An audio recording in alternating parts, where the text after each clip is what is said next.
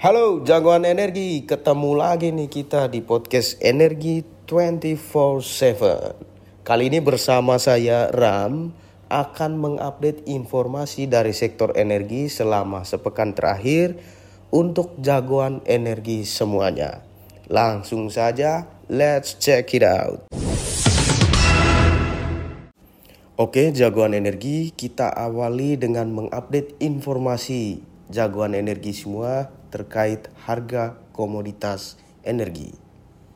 Nah, harga komoditas energi ada dua informasi utama yaitu terkait harga minyak dan harga batu bara. Nah, rata-rata harga Indonesian Crude Price atau ICP pada bulan September sejauh ini masih mengikuti ICP bulan Juli yaitu sebesar 75,6 US dollar per barel. Sementara terhitung per 7 September 2023, harga minyak West Texas Intermediate atau WTI saat ini berada di kisaran harga 87,39 US dollar per barel. Sementara harga minyak Brent saat ini berada di kisaran harga 90,50 US dollar per barel.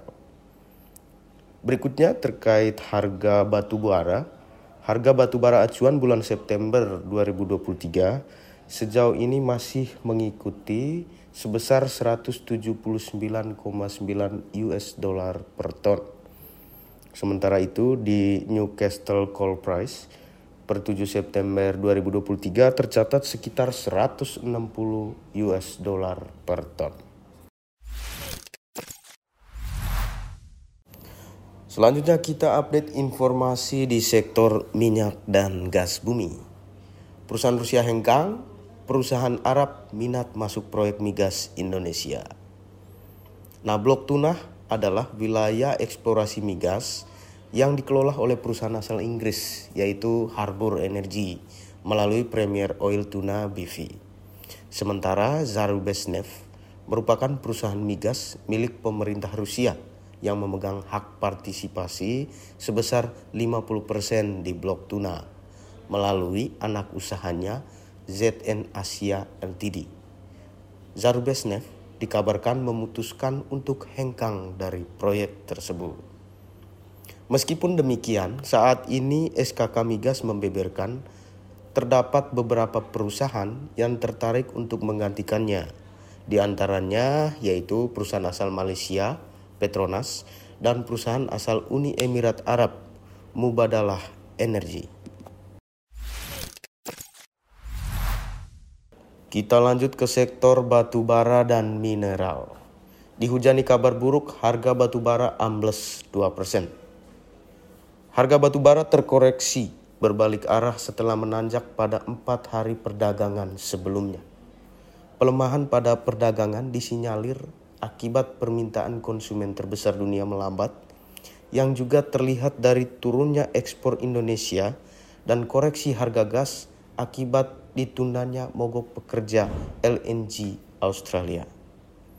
Merujuk pada Refinitiv, harga batu bara ICE Newcastle kontrak Oktober ditutup di posisi 163 US dollar per ton atau ambles 2,01 persen pada perdagangan Rabu 6 September 2023. Hal ini berdampak pada negara eksportir batu bara terbesar dunia yaitu Indonesia.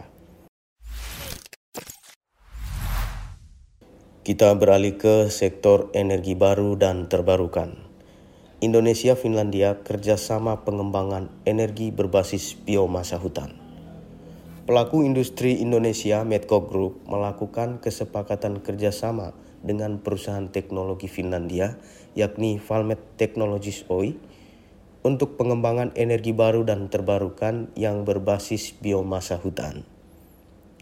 Duta Besar Indonesia untuk Finlandia Ratu Silvi Gayatri menyaksikan penandatanganan yang dilakukan oleh Presiden Direktur Papua Project Medco Group Budi Basuki dan Vice President Energy Business Unit Valmet Technologies OI Alexi Salmirine di Kedutaan Besar Indonesia di Helsinki pada 4 September 2023. Misi yang dilaksanakan yakni brightening the eastern part of Indonesia with biomass power plant. Melalui proyek ini akan dikembangkan pembangkit listrik tenaga biomasa di wilayah Papua dengan kapasitas keluaran sebesar 3,5 megawatt. Terakhir dari sektor kelistrikan. PLN uji coba teknologi coal blending facility. PLN Energi Primer Indonesia melakukan uji coba teknologi coal blending facility untuk memperkuat rantai pasokan batu bara sebagai energi primer pembangkit listrik. Dalam menjalankan terobosan ini, Sub Holding tersebut menggandeng PT Krakatau Bandar Samudra. Direktur Utama PLN EPI, Iwan Agung Firstantara, mengatakan Melalui coal blending facility dapat memberikan value creation di mana coal blending memungkinkan PLTU untuk mendapatkan spesifikasi batu bara yang optimum sesuai dengan standar kebutuhan boiler. Oke, jagoan energi, demikian dulu updatean dari kita untuk sepekan terakhir. Bagi jagoan energi semuanya, jangan bosan-bosan untuk mengupdate informasi tentang Purnomo Yusgiantoro Center melalui akun sosial media kita. Ada Instagram, ada Facebook, ada Twitter, dan juga ada LinkedIn. Selain itu, jagoan energi semuanya jangan lupa untuk mensubscribe YouTube channel kita. Saya Ram, pamit, dan sampai jumpa.